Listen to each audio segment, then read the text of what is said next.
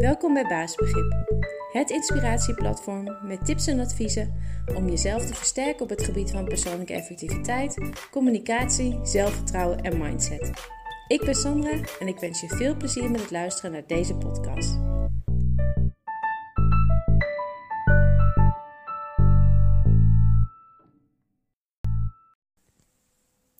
Deze podcast wilde ik het graag hebben over lastige communicatie en jullie een handige tip geven om weer uit die lastige situatie te komen.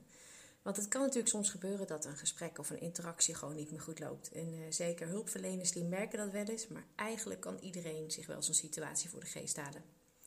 Stel je hebt al verschillende gesprekken gehad met elkaar, maar je komt gewoon samen niet meer op één lijn. Er is een groeiend wantrouwen of onbegrip of soms zelfs boosheid. En dat kan komen omdat je elkaar niet begrijpt of uh, de doelen en de verwachtingen lopen gewoon veel te veel uiteen. Um, maar het punt is wel dat je dat gesprek of die interactie natuurlijk niet voor niets bent aangegaan. Er was ooit vast een goed en gezamenlijk uh, doel. Um, dus uh, ja, het is zeer waarschijnlijk dat je toch echt nog moet samenwerken met elkaar in de toekomst. Het gekke is dat we in zo'n situatie vaak een beetje in onszelf keren. Uh, we gaan er enorm zelf over piekeren of over klagen tegen een collega. Terwijl je natuurlijk eigenlijk de oplossing uh, moet proberen te vinden samen met je gesprekspartner.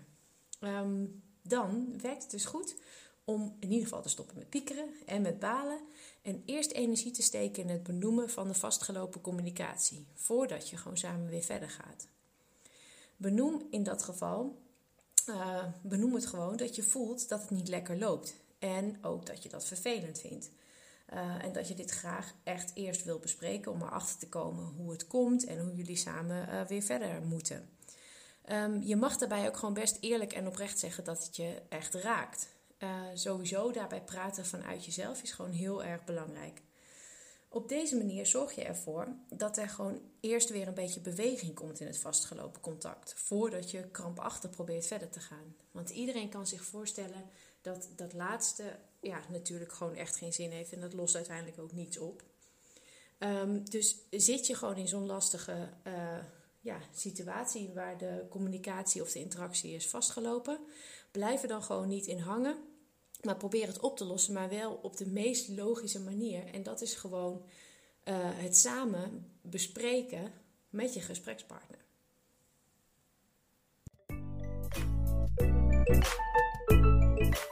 Bedankt voor het luisteren naar deze podcast.